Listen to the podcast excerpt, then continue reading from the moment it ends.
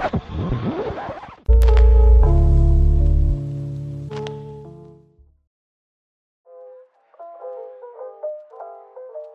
Komunite, balik lagi nih ke dalam episode dialog komunikasi segmen retorika pada kali ini.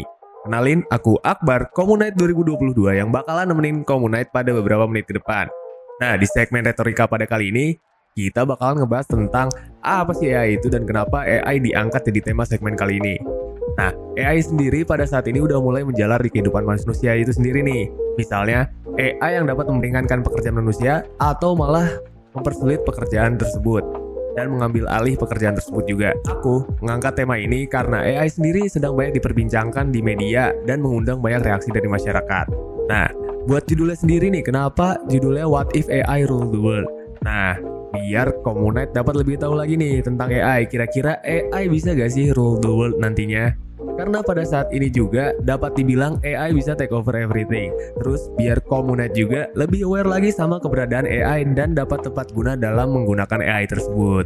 Nah, ngomong-ngomong nih Komunite, aku sendiri kan anak ilmu komunikasi nih. Gak mungkin dong kalau aku bahas AI ini sendirian. Kali ini kita bakalan temenin sama Kak Revano Trinanda Saputra dari Fakultas Ilmu Komputer Departemen Teknologi Informasi. Halo Kak Vano. Halo Komunite, halo halo. Kak Vano apa kabar nih hari ini? Alhamdulillah sehat. Oke, Kak Vano gimana nih perasaannya udah diundang jadi narasumber pada hari ini?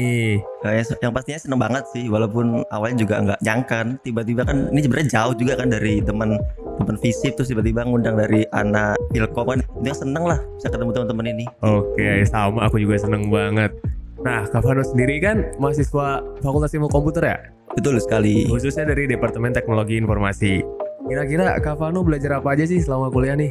Oke, mungkin yang saya belajar di Filkom itu apa sih? Jadi yang belajar itu pertama yang jelas itu pasti coding yang teman-teman pasti tahu. Tapi untuk lebih spesifiknya lagi yang aku pelajarin tuh, jadi aku selain belajar coding itu juga belajar seperti kayak jaringan, hmm. terus juga belajar tentang data juga, okay. terus juga tentang pengaplikasian teknologi ke dalam organisasi. Jadi seperti itu lebih lah.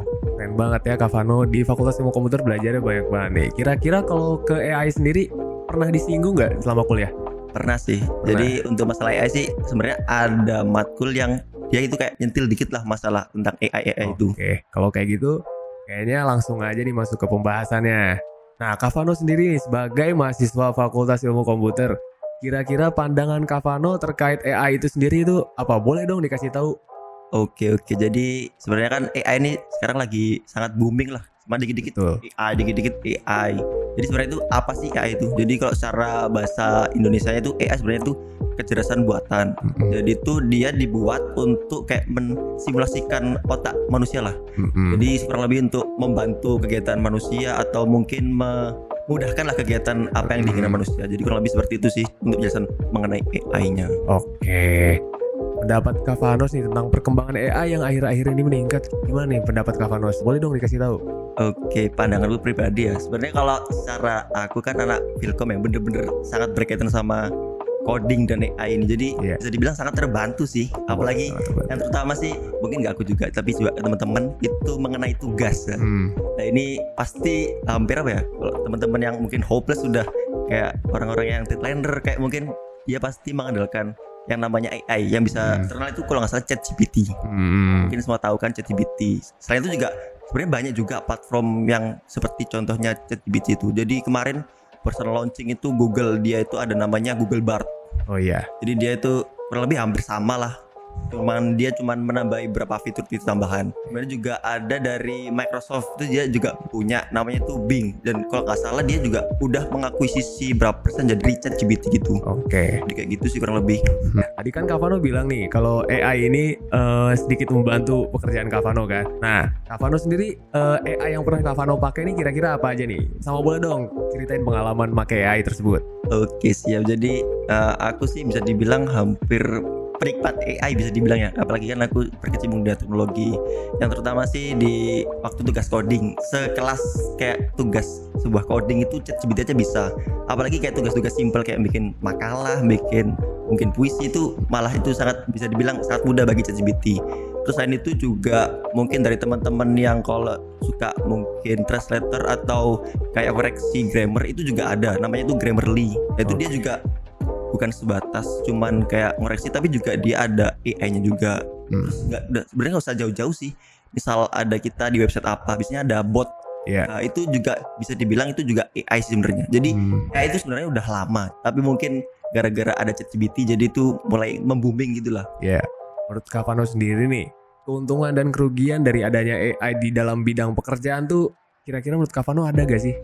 Oke, ada sih pasti semua plus minus pasti ada. Okay. Yang pun yang pertama keuntungan dulu aja. Ya, keuntungan dulu deh. Yang lebih banyak untungnya daripada kerugiannya. Yeah. Untuk keuntungan sendiri yang pertama tugas tadi, hmm. mahasiswa mungkin ya pasti dia kayak merasa termudahkan okay. itu pertama terus habis itu membantu juga dalam dunia pekerjaan okay. aku kemarin sempat baca di artikel dan berita gitu kan jadi ada kalau nggak salah dia itu uh, mau wawancara di apa ya, Google kalau kalau nggak salah di Amazon atau Google okay. jadi dia tuh ngerjain soal yang dikasih dari HRD-nya itu pakai ChatGPT oke okay. dan dia tuh kebetulan keterima berarti kan bisa dibilang udah mulai lah AI ini mengutik pekerjaan manusia itu tadi. Yeah. Itu yang kedua. Terus yang ketiga tuh sebenarnya kan kita juga sekarang teknologi serba digital. Hmm. Jadi intinya memudahkan lah semua pekerjaan manusia. Mulai dari yang dasar sampai yang mungkin yang susah. Hmm. Iya. Kalau buat kerugiannya sendiri nih kira-kira apa aja nih menurut Kapano? Kerugiannya yang pertama pekerjaan orang ini juga bisa lama-lama mulai tergantikan. Hmm. Jadi kan banyak juga kan ini kayak misal ada AI mengenai videographer kan juga ada tuh. Iya. Yeah. Ya tiba-tiba kayak bisa luma AI. Jadi dia oh, tuh yeah. membuat 3D suatu video. Jadi bisa view-nya itu dari 360 oh, padahal yeah. kita cuma ngambil gambar cuma sekitar 180 sekian gitu lah. Oh iya iya. Makin ke depannya kapan oh, yeah. mungkin semakin menipis. Oh iya oke. Okay. Jadi kayak gitu sih. Nah, buat kerugiannya sendiri nih, kira-kira kalau semisal AI ini menduduki posisi pekerjaan melebihi kemampuan manusia nantinya nih. Nah, kira-kira gimana sih akibatnya? Dan itu mungkin gak menurut Kavanus kira-kira? Kalau kataku sih bisa jadi sih, mungkin di tahun 2000 sekian. Iya. Yeah. AI itu masih di tahap yang masih tengah. Jadi AI itu dia sekarang itu baru bisa kayak mengikuti pola pikir manusia sama perilaku. Hmm. Jadi belum yang sampai ke perasaan. Nah, ini yeah. kalau udah main mengenai perasaan itu udah mengerikan sih kalau yeah. kataku dia bisa dibilang teknologi ini bisa berkembang sangat cepat okay. kayak HP aja yeah. kan dia cepat tuh mulai dari layar touchscreen sekarang tuh kayak banyak kan dari lipat dari segala macem jadi itu bisa dibilang semakin banyak tahun mungkin 2045 sekian mungkin bisa aja sih tinggal hmm. manusianya aja bisa memanfaatkannya atau enggak gitu sih oke okay. untuk mencegah hal itu nih gimana sih cara kita bisa mastiin biar AI ini sendiri tuh nggak jadi powerful gitu dan nggak banyak ngambil posisi pekerjaan yang merugikan manusia. Oke, jadi sebenarnya tuh AI itu kan juga ada karena manusia.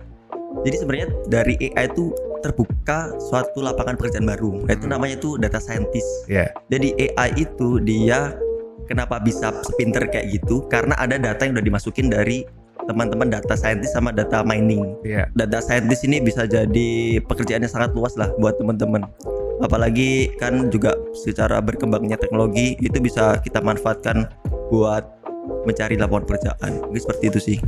Nah Tadi kan udah banyak banget nih Komunite bahasan dari Kavanos mulai dari peningkatan AI itu sendiri sampai ke keuntungan kerugian yang uh, menurut Kavano itu lebih banyak keuntungan dari AI-nya. Menurut aku kesimpulannya itu AI ini sendiri masih bisa menguasai dunia pada nantinya tergantung dari cara manusia itu sendiri buat manfaatin AI ini.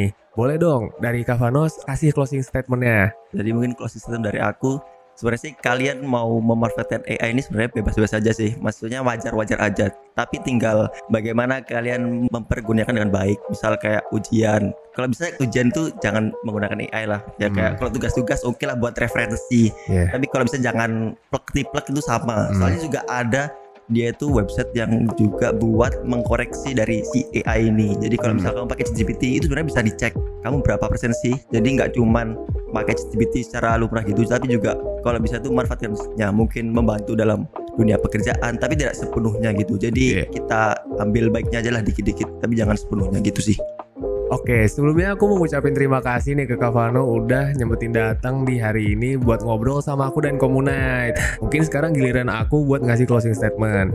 Buat Komunite sendiri, pesan dari aku mungkin kalian bisa lebih aware lagi terhadap AI ini. Pokoknya jangan sampai kalian uh, terlena lah dengan AI ini dengan keuntungan yang diberikannya, tapi kalian juga aware sama kerugian yang bisa ditawarkan. Nah, Komunite, jangan lupa juga nih buat terus nungguin episode terbaru Dialog Komunikasi di Spotify. Sama jangan lupa juga buat follow Instagram channel11.com untuk update konten terbarunya. Aku Akbar, Komunite 2022, pamit undur diri dari ruang dengar kamu. See you Komunite.